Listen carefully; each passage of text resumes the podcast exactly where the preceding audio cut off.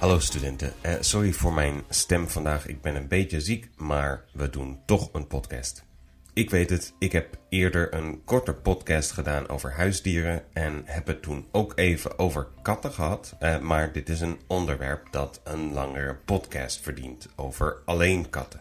Zijn er echt katten- en hondenmensen? Ik geloof het niet. Dat is omdat ik mezelf altijd als kattenmens zag, tot ik meer leerde over honden. En hoe meer je over iets leert, hoe dichter het bij je hart komt, eh, denk ik. Dat geloof ik.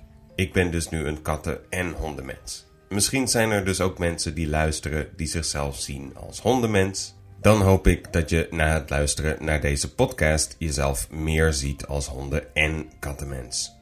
Laten we zoals altijd beginnen bij het begin. Wat is een kat? Een kat is een klein roofdier. Dat betekent dat het jaagt op prooidieren, vooral kleine dieren als vogels en knaagdieren, zoals muizen en ratten.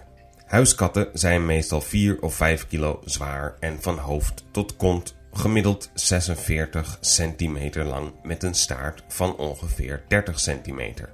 Er zijn ongeveer 60 kattenrassen die er vaak heel verschillend uitzien. Ik had het al over huiskatten. Ja, dit zijn gedomesticeerde katten. Katten die aan mensen gewend zijn en die we thuis houden. Dan zijn er ook boerderijkatten. Die worden op het platteland gehouden om ongedierte te vangen. Dieren die de boeren niet willen, als muizen en ratten. En dan zijn er ook nog wilde katten die mensen ontwijken. Katten hebben goed ontwikkeld nachtzicht. Ze zien bij uh, zes keer minder licht dan mensen. Kleuren kunnen ze minder goed zien. Ze zien van blauw tot geel, groen duidelijk. En kleuren die daarbuiten vallen niet zo goed. Ze kunnen wel goed ruiken. Ze kunnen ook pheromonen ruiken en uitscheiden chemische stofjes waarmee ze met andere katten kunnen communiceren. Omdat ze twee keer zo goed kunnen ruiken als mensen, vinden ze dingen al snel stinken. Ze houden daarom ook vaak niet van parfum, want dat ruikt voor hen veel te sterk. Ook kunnen ze heel goed horen. Ze kunnen geluid horen dat te hoog of zacht is voor mensen om te horen. Smaken proeven kunnen ze weer minder goed. Ze hebben minder dan 500 smaakpupillen. Mensen hebben er 9000. Katten kunnen zoete dingen niet proeven. Dat is ook niet belangrijk, omdat ze vooral vlees eten met soms wat groente of fruit. Sommige katten houden bijvoorbeeld van spinazie, hoe vreemd dit ook klinkt. Ze willen ook eten dat zo rond de 38 graden Celsius is, de temperatuur van een net gedode prooi. Koud vlees kan al lang ergens liggen en rot zijn. Geef dus ook niet kattenvoer direct uit de koelkast aan je kat. De kattenfamilie is natuurlijk veel en veel ouder dan de periode dat ze met mensen samenwonen. Ze wordt geschat op 12 miljoen jaar oud. De huiskat Felis catus domesticus is sinds 2003 officieel een aparte soort. In 1904 heeft ene Konstantin Alexeyevich Satunin al wel voorgesteld dat een kat die hij in het Caucasusgebergte vond een aparte soortnaam te geven, Felis demon. Dit was een wilde zwarte kat, maar later is gebleken dat het hier ook ging om een gedomesticeerde kat en we kunnen dit zien als een Felis catus domesticus. Waar het woord catus of kat uh, ja, precies vandaan komt, weten we niet. Daar zijn veel verschillende theorieën over. Het woord poes of pussycat in het Engels komt ook in veel talen voor. En veel mensen denken dat dit komt van het geluid dat we maken om een kat te roepen. Poes, poes, poes. Het Engelse pussy komt in elk geval van het Nederlandse poesje, wat weer van het Duits komt. De eerste gedomesticeerde katten die we hebben gevonden komen niet uit Egypte en niet van 3000 jaar geleden, maar uit het Midden-Oosten en van 7500 jaar geleden, dus 7500 jaar. Wetenschappers denken dat katten in elk geval 12.000 jaar geleden gedomesticeerd zijn. Gedomesticeerde katten zijn langzaam vanuit Noord-Afrika via Griekenland naar Noord-Europa gekomen de eerste Duitse huiskatten vinden we rond het jaar 500. Katten zijn al uh, in al deze jaren heel weinig veranderd. Daarom kunnen ze nog altijd in het wild overleven. Als je jouw huiskat in het bos los zou laten, zou het een grote kans hebben te overleven. Dat zou een hond niet kunnen. Dit heeft veel te maken met hoe en waarom we katten gedomesticeerd hebben.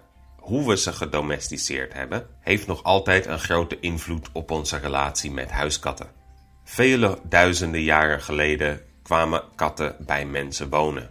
Dit is een belangrijk detail. Katten kozen ervoor om bij ons te wonen. Want waar mensen woonden was ook ongedierte, muizen en ratten, die de producten aten die mensen bewaarden, graan vooral. Omdat de aanwezigheid van mensen voedsel betekende, woonden katten graag bij mensen in de buurt. Hier begint het verschil in hoe we katten en honden zien. Katten waren handige kleine dieren die muizen en ratten konden vangen en ons eten zo beschermen, maar honden waren dieren die ons gezelschap konden houden en ons verdedigen tegen vijanden, of dat nu mensen of andere dieren waren. Zo hebben we de twee diersoorten ook altijd behandeld. Honden waren onze vrienden en daarom hebben we bij het fokken van honden altijd de exemplaren gekozen die het meest vriendelijk waren tegen mensen. Zo kregen we steeds vriendelijkere honden. Bij katten was dit anders. Die hebben we niet geselecteerd op gezelligheid, maar op hoe goed ze op ongedierte konden jagen. Daarom zijn katten nog altijd minder op mensen gericht dan honden. We lieten katten hun werk doen en tolereerden ze terwijl we honden mee op jacht namen en op onze kinderen lieten passen. Daarom zijn katten weinig veranderd sinds ze bij ons kwamen wonen en honden heel erg. Een groot misverstand is daarom ook dat katten niet sociaal zijn. Dat klopt niet.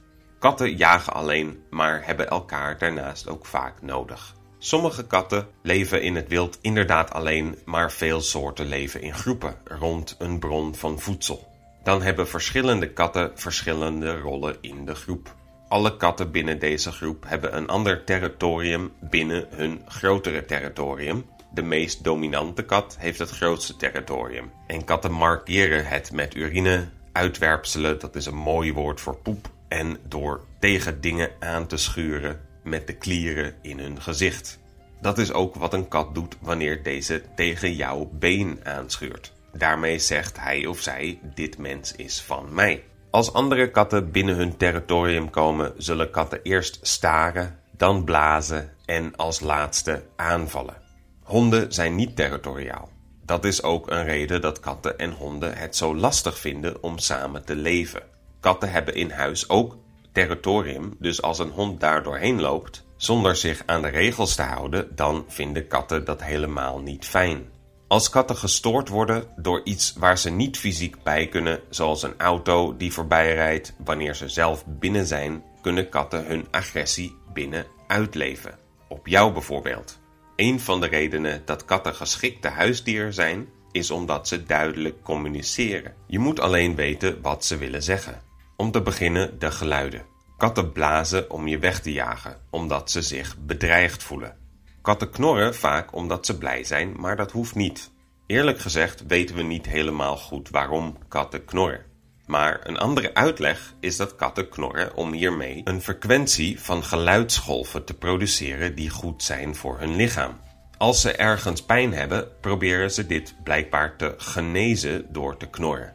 Dit is geen rare internettheorie, dit wordt door veel experts geloofd. Miauwen doen katten alleen naar mensen.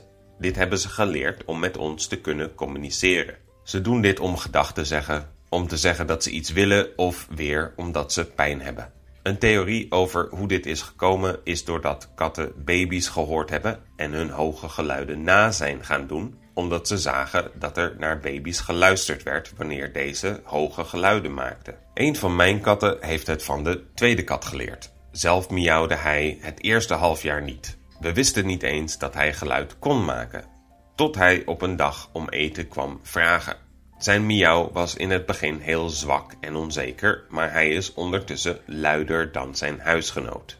Laten we dan even kijken naar de lichaamstaal van katten. Oren naar achteren is slecht nieuws. De kat legt zijn of haar oren plat om te laten zien dat ze bang is en zich klein probeert te maken.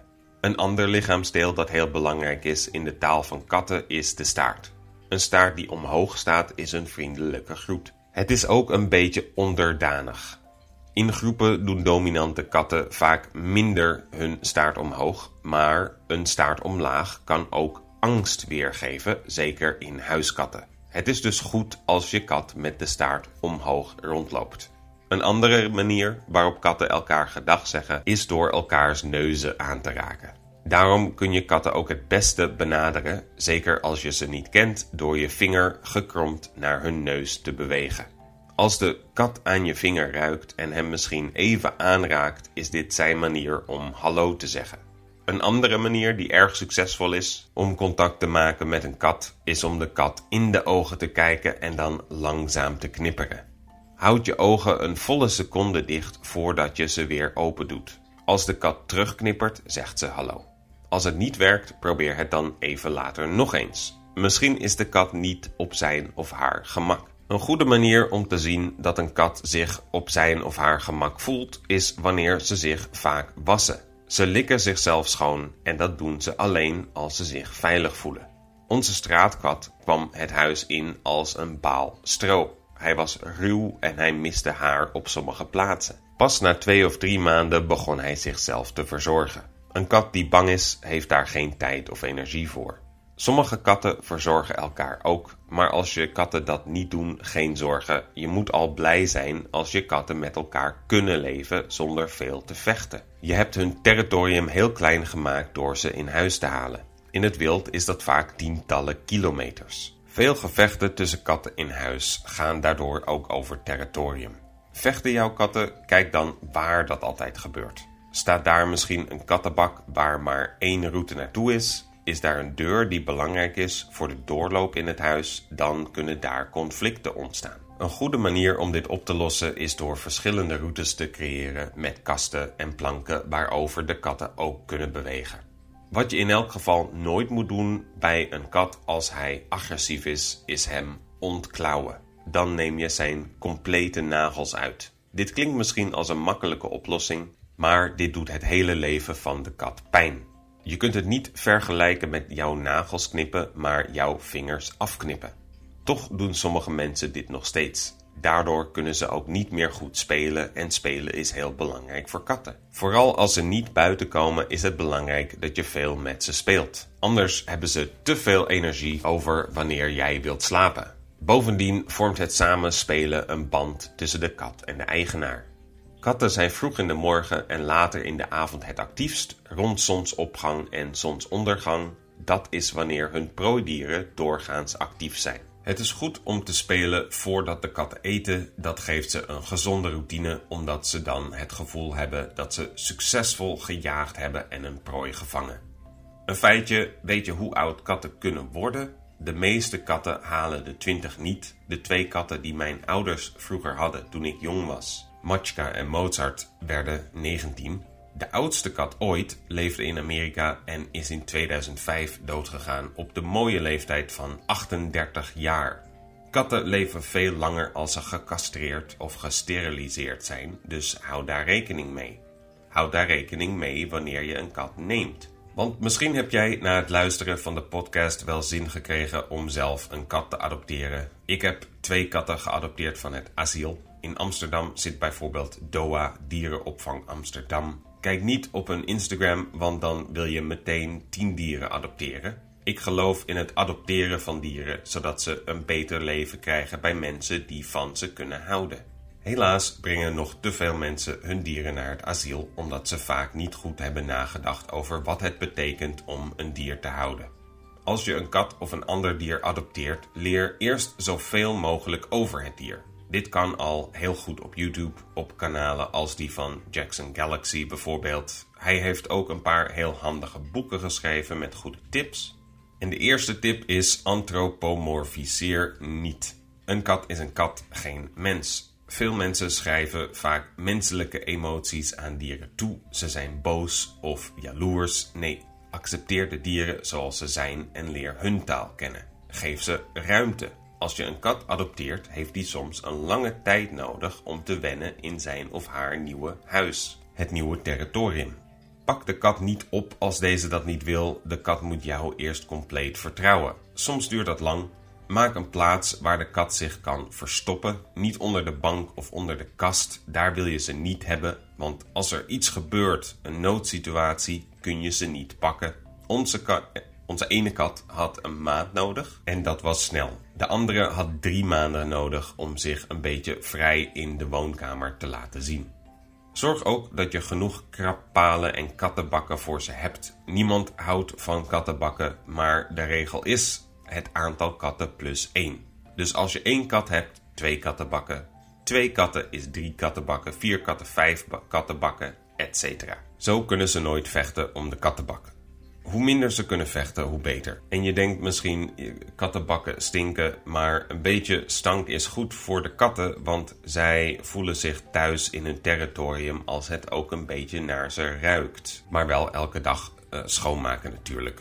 Maar denk niet dat je alles helemaal schoon moet schrobben met schoonmaakmiddel. Nee, katten vinden het fijn als er een beetje uh, ja, van hun geur in het huis is. Dan voelt het als thuis. Zorg dat je goed eten voor ze koopt. Dat hoeft niet altijd heel duur te zijn. Uh, er zijn uh, veel websites met tips voor. Maar zelf eet je ook niet elke dag McDonald's, dus waarom je kat wel? Onze katten eten nooit iets van ons eten als we even niet kijken. Het is heel simpel. Wij eten geen vlees en onze katten eten alleen maar vlees. Dus ja, dat is ook alles dat ze willen. En als je kat iets doet dat het niet mag, geef ze een andere optie. Katten moet je nooit een nee geven, geef ze een niet dit, maar dat. Als ze aan de bank krabben, zeg dan niet nee, maar geef ze iets anders om aan te krabben. Als ze aan je boeken knagen, geef ze dan een speeltje om op te knagen. En sla ze nooit, schreeuw nooit tegen ze. Ze begrijpen niet dat ze iets doen dat jij niet wilt en zo worden ze alleen maar bang van je. Zitten ze vaak op de keukentafel, besproei ze dan niet met water, dan gaan ze jou haten. Nee, zet een automatische kattensproeier op de tafel. Die sproeit automatisch water als de kat in de buurt komt. Zo gaat de kat de keukentafel haten en niet jou. Er zijn nog veel meer tips en weetjes over katten, maar dat moet je zelf opzoeken als je een kat wilt nemen of meer over katten wilt weten. En volg mij op de socials, laat een review achter, doneer iets aan de podcast podcast of het YouTube kanaal. Ja, sorry, ik ben nog uh, ziek zoals ik zei, uh, maar dat was het voor vandaag. Tot de volgende keer. Doei!